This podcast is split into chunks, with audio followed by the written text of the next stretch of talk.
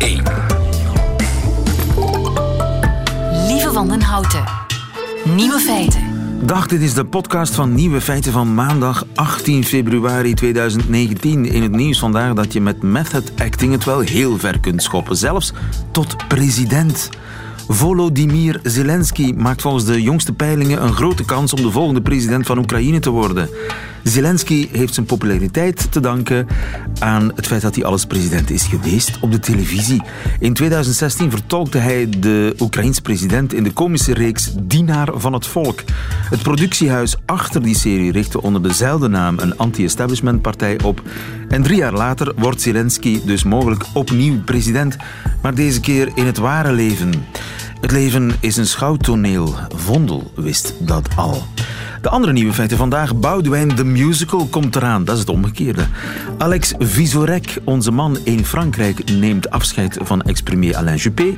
In China is Big Brother een app geworden. En het nieuwe ideaal is leven als een kat. De nieuwe feiten van Otto Jan Ham hoort u in zijn middagjournaal. Veel plezier.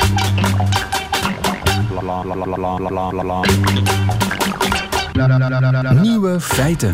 Volgend jaar komt Studio 100 met een musical. Een nieuwe spektakelmusical. Niet over 1418 of over de, we- de Tweede Wereldoorlog, maar over koning Boudewijn. Jan van den Bergen, goedemiddag. Goedemiddag. Eh, Onder veel meer ben jij royalty watcher. Een spektakelmusical over een koning eh, die als bijnaam Le Roi Triste draagt. Is, is dat een goed idee, denk je? Wel is het een goed idee. Ik denk dat ze een beetje voortdrijven op het elan van de vorige successen met die musicals.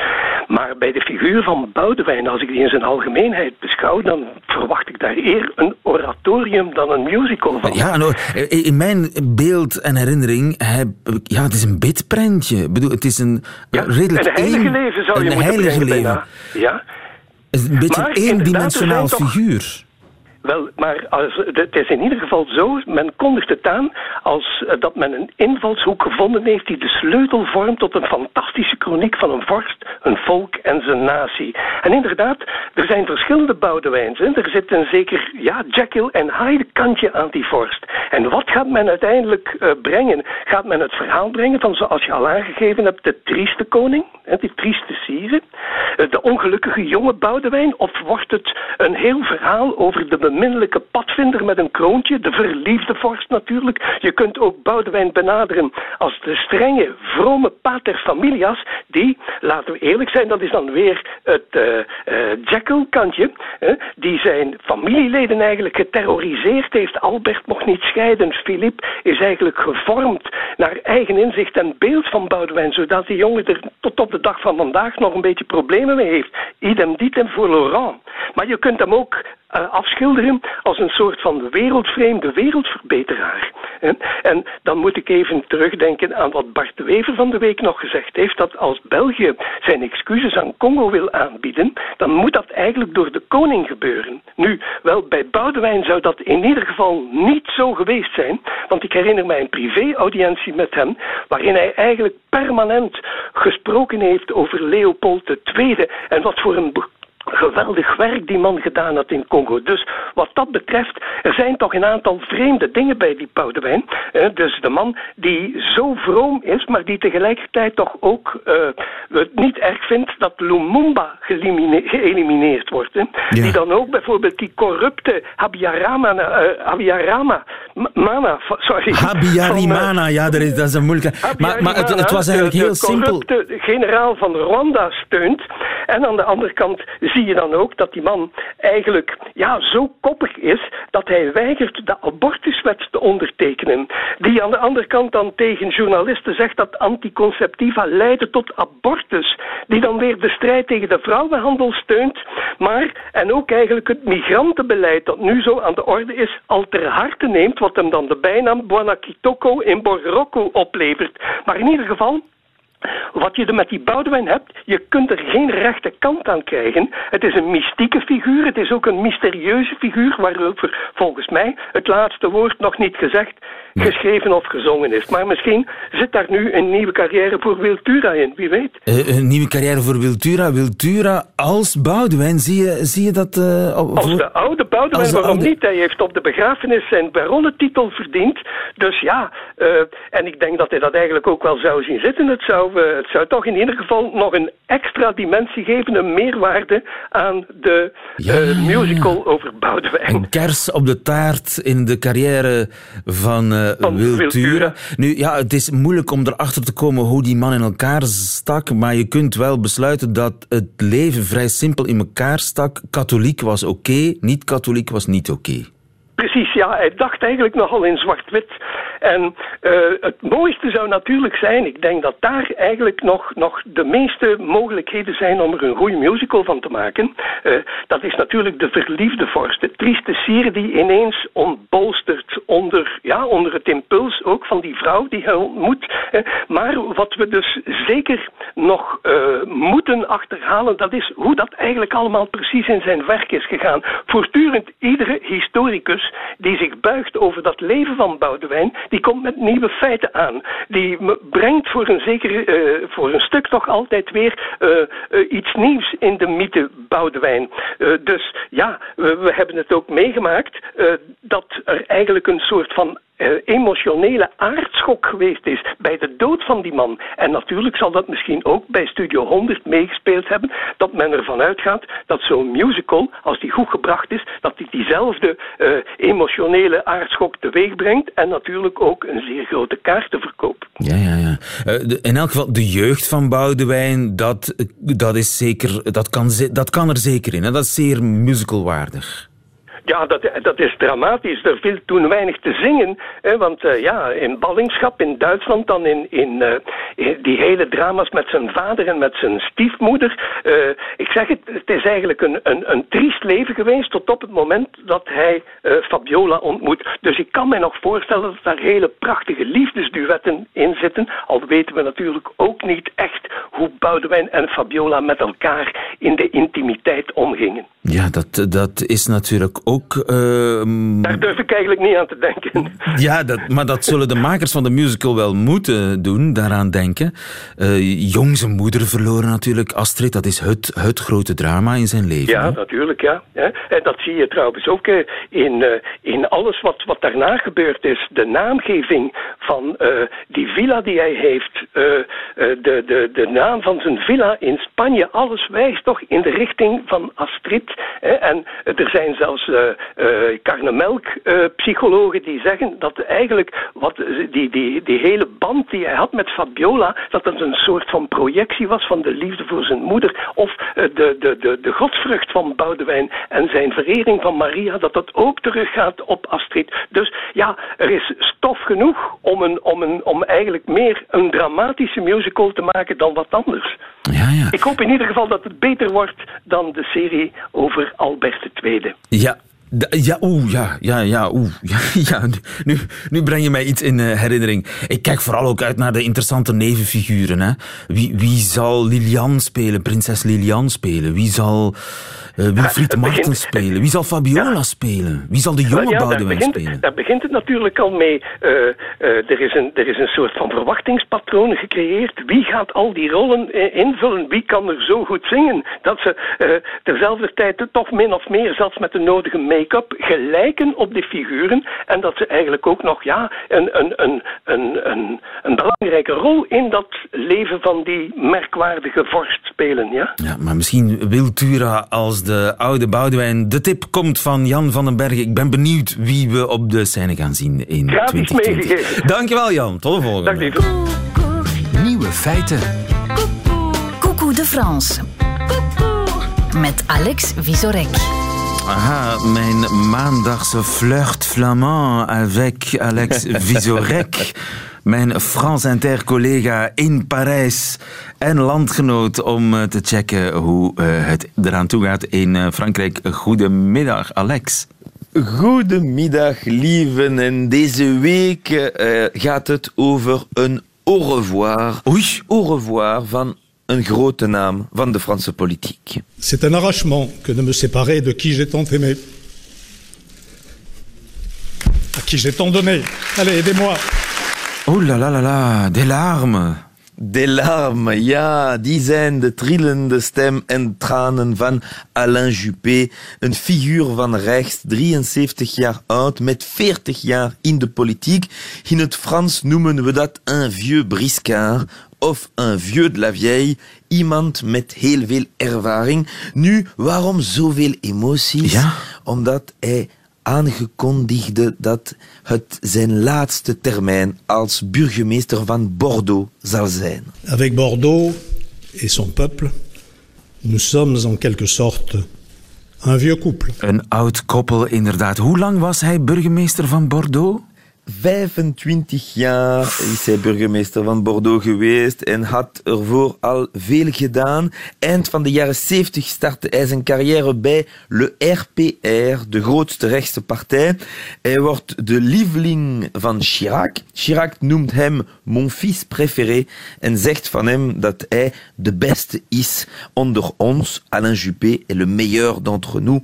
Als Chirac in 83 burgemeester van Parijs wordt, is Juppé zijn assistent. Als Chirac in 95 president wordt, is Juppé zijn premier. Maar toen waren het moeilijke tijden. Zijn plan voor de pensioenen en de sociale zekerheid veroorzaakte een ophef, een beetje vergelijkbaar met de gele esjes nu. En daarmee werd Juppé de meest geate politicus van 95. Hij zei later, het is gemakkelijker om te glimlachen dan te hervormen. Ik probeer om te hervormen, niet om te glimlachen. Ja, en glimlachen, En dat heb ik hem eigenlijk nooit zien doen. en u bent niet de enige. Eh, hij doet dat niet graag. Bernadette Chirac beschreef hem als heel, heel koud. Quand il veut vous dire bonjour, il vous tend la main, mais il vous regarde pas. Il regarde derrière ou sur le côté. Alors c'est pas, ça ne met pas beaucoup le euh, le, Le lien. le lien que- qu'on pourrait espérer. Ja, d- dat is mevrouw Chirac, Voilà. die redelijk eh, mevrouw hard Chirac. is voor Alain Juppé. Ja, ja, ja, zij had liever Sarkozy, waar Chirac liever Juppé had. Vandaag stopt Alain Juppé en hij noemt dit als een van de oorzaken. Le discrédit des hommes et des femmes politiques réputés tous pourris. Oei, de mensen vertrouwen de politici, niet meer. niet meer. Nee, ze zijn allemaal corrupt. Maar wie heeft ooit een woning voor zijn zoon met geld van de stad betaald? Ja. En wie heeft Chirac gedekt in een zaak van fictieve banen bij de stad Parijs? Alain Juppé.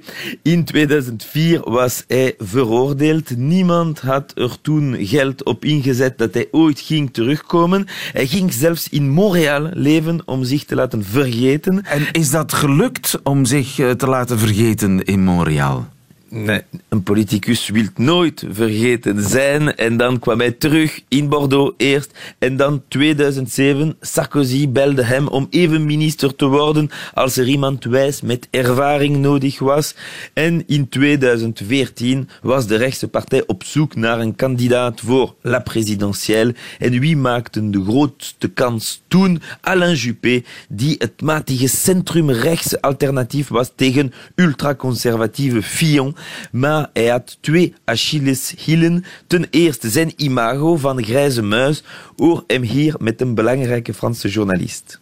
Qu'est-ce que vous répondez aux gens qui disent euh, bah, Juppé est très conventionnel, qu'est-ce qu'on va se faire chier euh Je les emmerde. Oké, Voilà. Voilà, dat is duidelijk. Kan me niet schelen. Het kan me niet schelen. Voilà. En de tweede was zijn leeftijd. Sarkozy zei ook dat hij te oud was, waaraan Juppé reageerde. Il vaut mieux un sexa en forme qu'un quinca amoindri.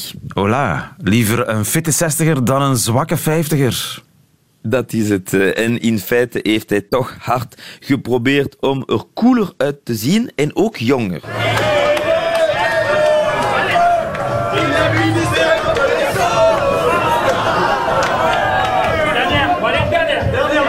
Ik kan er niet veel van maken. Eh, Alex, wat is dit? Het klonk als een studentenfeestje. Wat is dit?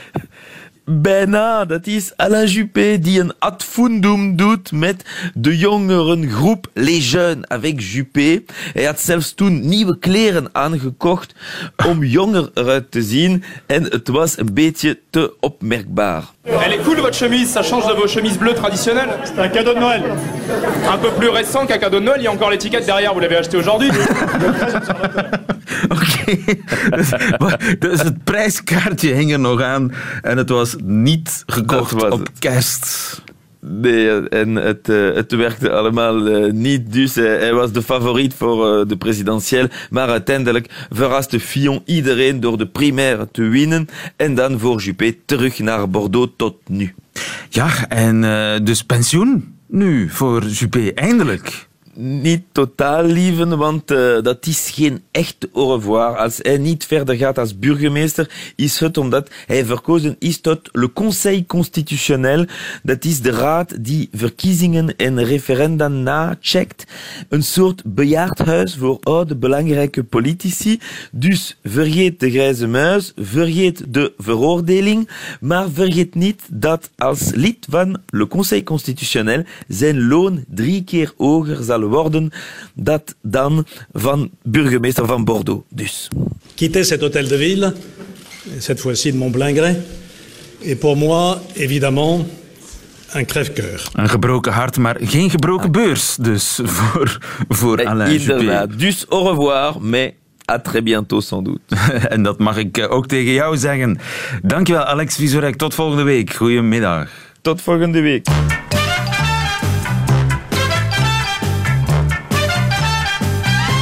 Nieuwe feiten.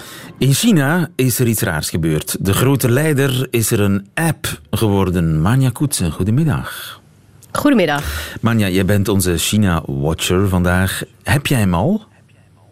Oh ja, zeker. Ik heb het hele weekend al eh, me in de app verdiept en van alles gelezen en gezien. En ik ben wel onder de indruk. Het is de populairste app op dit ogenblik in het grote China.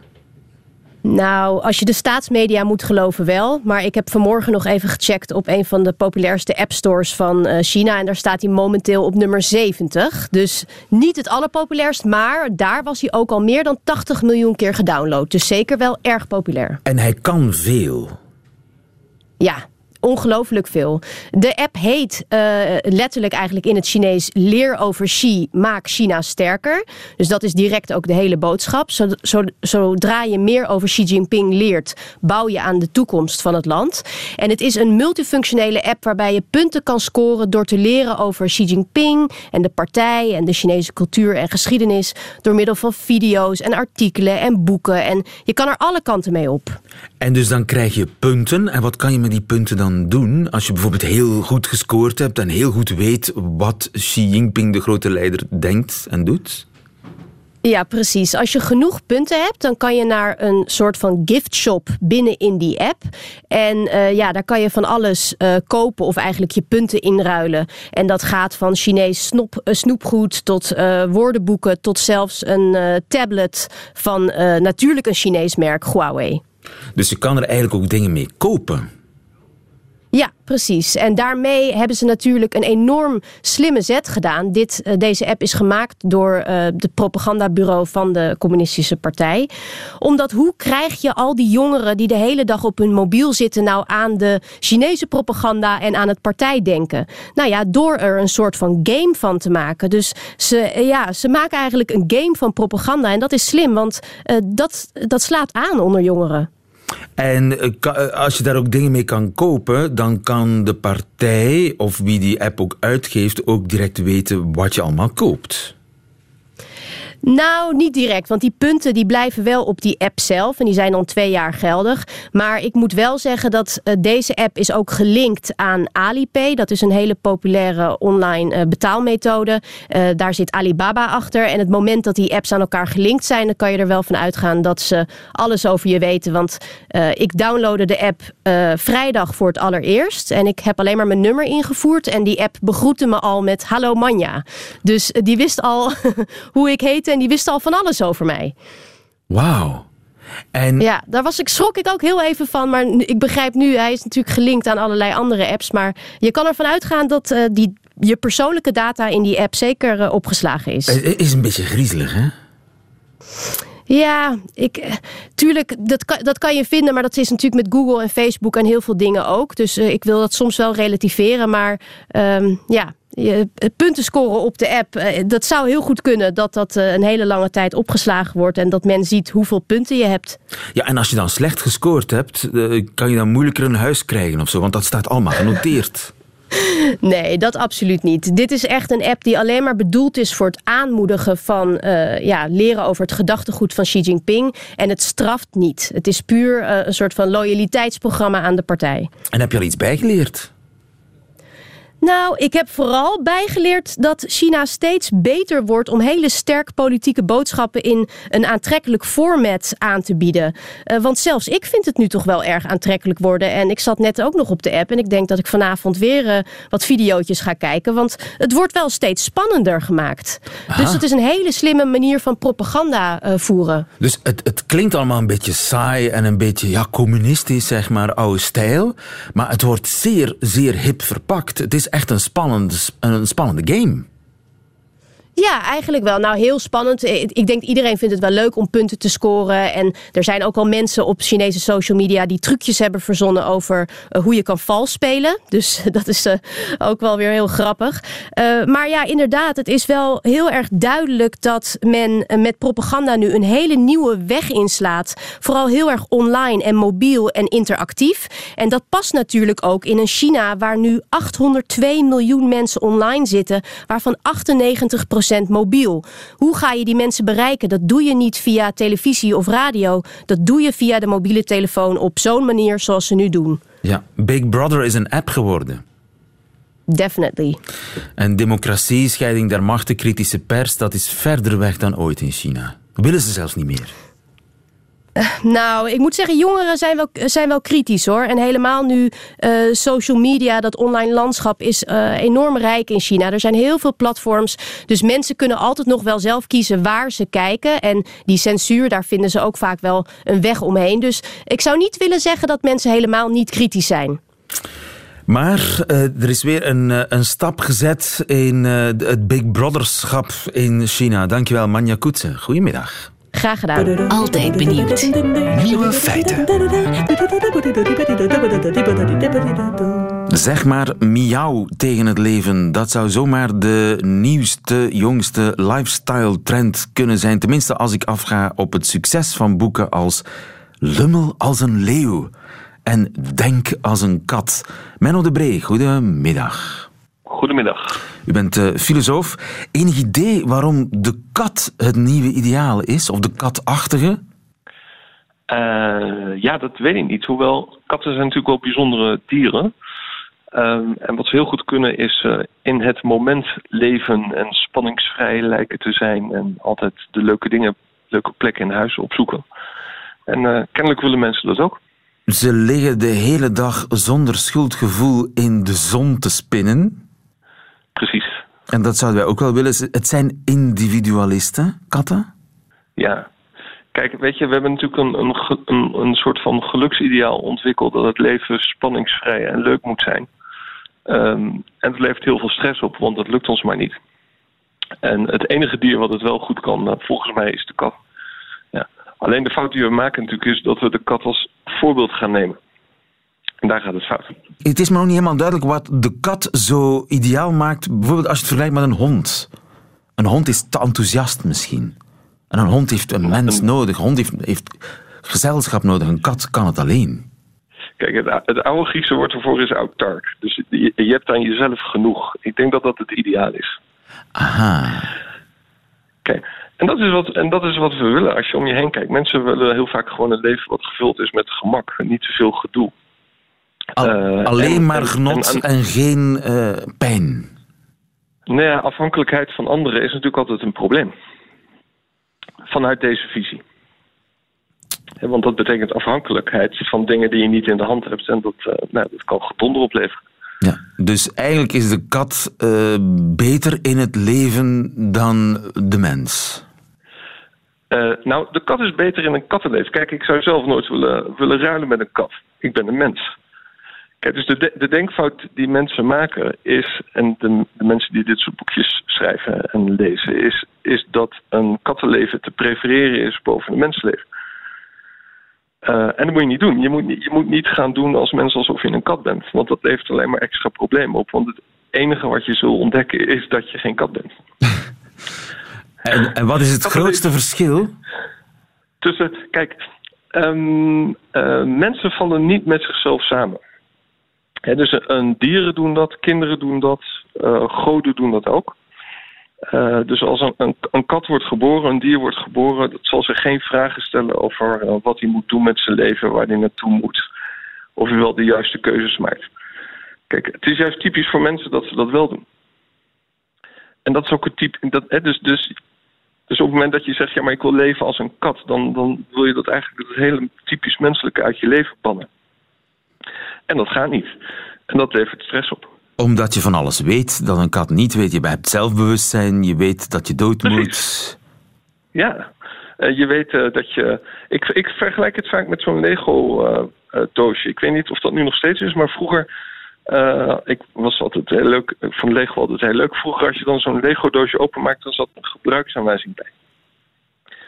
En je kunt een, een dier een beetje vergelijken met zo'n Lego-doosje. Dus nu wordt geboren en die bouwt zichzelf dan op en dat gaat allemaal prima.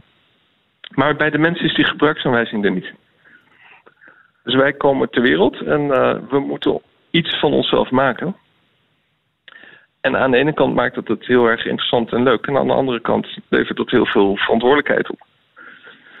En uh, ja, daar proberen we handen en voeten aan te geven.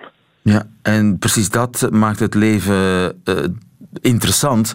Nu, leven als een kat, mensen willen meer genot. Is daar dan iets mis mee om je meer op genot te gaan richten? Nou, het is saai.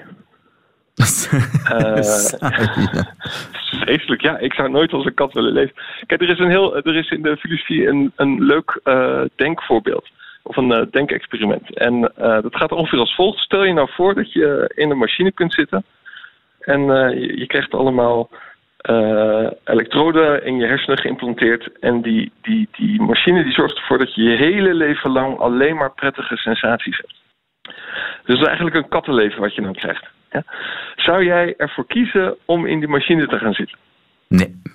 En wetende dat je dan ook daar zult sterven, maar dan merk je helemaal niks. Dus de mensen die een kattenleven willen, die zouden zeggen: ja, ik ga in die machine. Nou, als je zegt nee, ik ga niet in de machine, dan is er nog iets belangrijkers kennelijk dan dat genot. Bijvoorbeeld uh, zelfkennis, eerlijkheid, uh, uh, weten dat je echt iets presteert. nou, dat soort kwesties zijn, hè, dat vinden we, vind ik in ieder geval interessanter en ook leuker. dan alleen maar een leven vol genot najagen. Ja. Je wordt er alleen maar jaloers van hè, als je alleen maar genot najaagt. Want er is altijd wel iemand die meer geniet. Er is altijd iemand die het beter kan.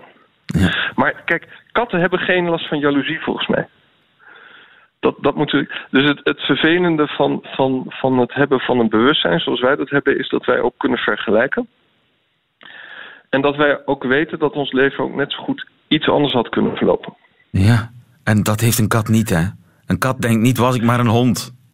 Nee, een kat maakt zich ook niet zorgen om zijn pensioenplan of zijn, uh, carrièrevoorzieningen of, of hij ziek wordt of niet. Of uh, wie ervoor ja. gaat zorgen tijdens de vakantie. Ja. Nee, dus uh, miauw ja. zeggen tegen het leven, nee dank u. Nee, nee, nee, zeker. Dan mis, je, dan mis je juist waar het om draait. Zonde. Dank, dankjewel, Menno de Bree. Goedemiddag. Graag gedaan, dankjewel. Dag. Het middagjournaal nu, deze week in handen van Otto Jan Ham. Nieuwe feiten. Middagjournaal. Beste luisteraar. Vorige week donderdag was het Valentijnsdag.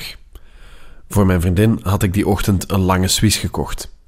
U kent dat type ontbijtkoek ongetwijfeld. Veel mensen zullen denken dat een lange Swiss nu niet bepaald een romantisch geschenk is, maar u moet weten dat A. mijn vriendin enorm graag lange Swissen eet en B. dat het echt niet van mijn gewoonte is om op donderdagochtend ontbijtkoeken te gaan halen. Ik kan me de laatste keer dat dat gebeurd is zelfs niet eens herinneren. Vandaar dat ik zelf vrij enthousiast was toen ik met de lange Swiss naar huis terugwandelde. Het was erg vroeg en ook erg koud, dus dat maakte het gebaar alleen maar groter op. En nogmaals, mijn vriendin houdt enorm veel van lange Swissen. Veel meer dan van ronde Swissen. Ik denk zelfs dat ze die niet eens zo lekker vindt. Er is volgens haar een groot verschil in smaak. Dat begreep ik vroeger niet, maar we zijn ondertussen al bijna tien jaar samen en ik heb al vaak uitgelegd gekregen dat een ronde Swiss aan de zijkanten veel meer droog deeg heeft zitten. Daar heeft een lange Swiss geen last van. Bovendien heeft de lange Swiss per eenheid veel meer glazuur dan zijn ronde evenknie. Veel mensen vinden Valentijnsdag een nepfeest. Bedacht door en om de commercie. Daar hebben ze wel een punt, maar wat zou het ook? Cynisme is de weg van de minste weerstand en als je iemand kunt tonen dat je om haar geeft, waarom zou je dat dan niet doen? Waarom zou ik dat kleine gebaar niet maken, wetende dat ik er haar dolblij mee maak? Mijn vriendin was ook blij. Niet dolblij, maar eerder blij blij. Ze kon zich de laatste keer dat ik überhaupt ontbijtkoeken was gaan halen ook niet heugen, dus ze leek het gebaar wel te waarderen. Toen ik later, nadat ik de kinderen naar school had gebracht, naar mijn werk wou vertrekken, zag ik de broodzak onaangeroerd op de keukentafel liggen. Mijn vriendin, of de vrouw waarvan ik dacht dat ze na al die jaren toch nog ergens iets voor mij zou voelen, had de lange Swiss gewoon laten liggen. Op het ijskoude keukenblad. Zomaar. Ik stuurde meteen een bericht. Oeps, ja, stom, vergeten. Emoji, emoji, emoji. Ik besloot het hier niet bij te laten. En iets later reed ik met de lange Swiss op de passagierszetel richting Anderlecht Industrie om mijn vriendin alsnog het Valentijnsgeschenk te kunnen overhandigen. Bij wijze van ultieme romantische verrassing. Denk aan de eindscène van An Officer and a Gentleman, waarin Richard Gere met de muziek van Joe Cocker op de achtergrond die actrice, wiens naam ik nu even niet kan herinneren, uit de fabriek gaat wegplukken. In zijn strak wit legerkostuum. Zoiets zou ik doen. Het was erg druk in Anderlecht en het duurde ook heel lang voor ik er eindelijk was. Het stond al vast dat ik zelf behoorlijk te laat op mijn werk zou zijn, maar ik kon niet meer terug. Na drie kwartier intens vloeken stond ik eindelijk voor de deur. Het zou niet lang duren voor ze bevangen door de emoties alsnog haar geschenk in ontvangst zou nemen, waarna ze het huilend aan het hele bedrijf zou laten zien. Met klamme handen belde ik haar. Een paar keer, maar ze nam niet op. Op berichten reageerde ze ook al niet meer. Waarschijnlijk zat ze in een vergadering. Het zou toch niet waar zijn. Uiteindelijk heb ik de lange Suisse afgegeven aan de concierge, een Franstalige dame. Ik zei: C'est pour Iris, c'est parce que je suis très romantique. De vrouw keek minachtend naar de broodzak en daarna terug naar mij. Ik zei: Tu ne comprends pas. Elle aime vraiment beaucoup la langue suisse.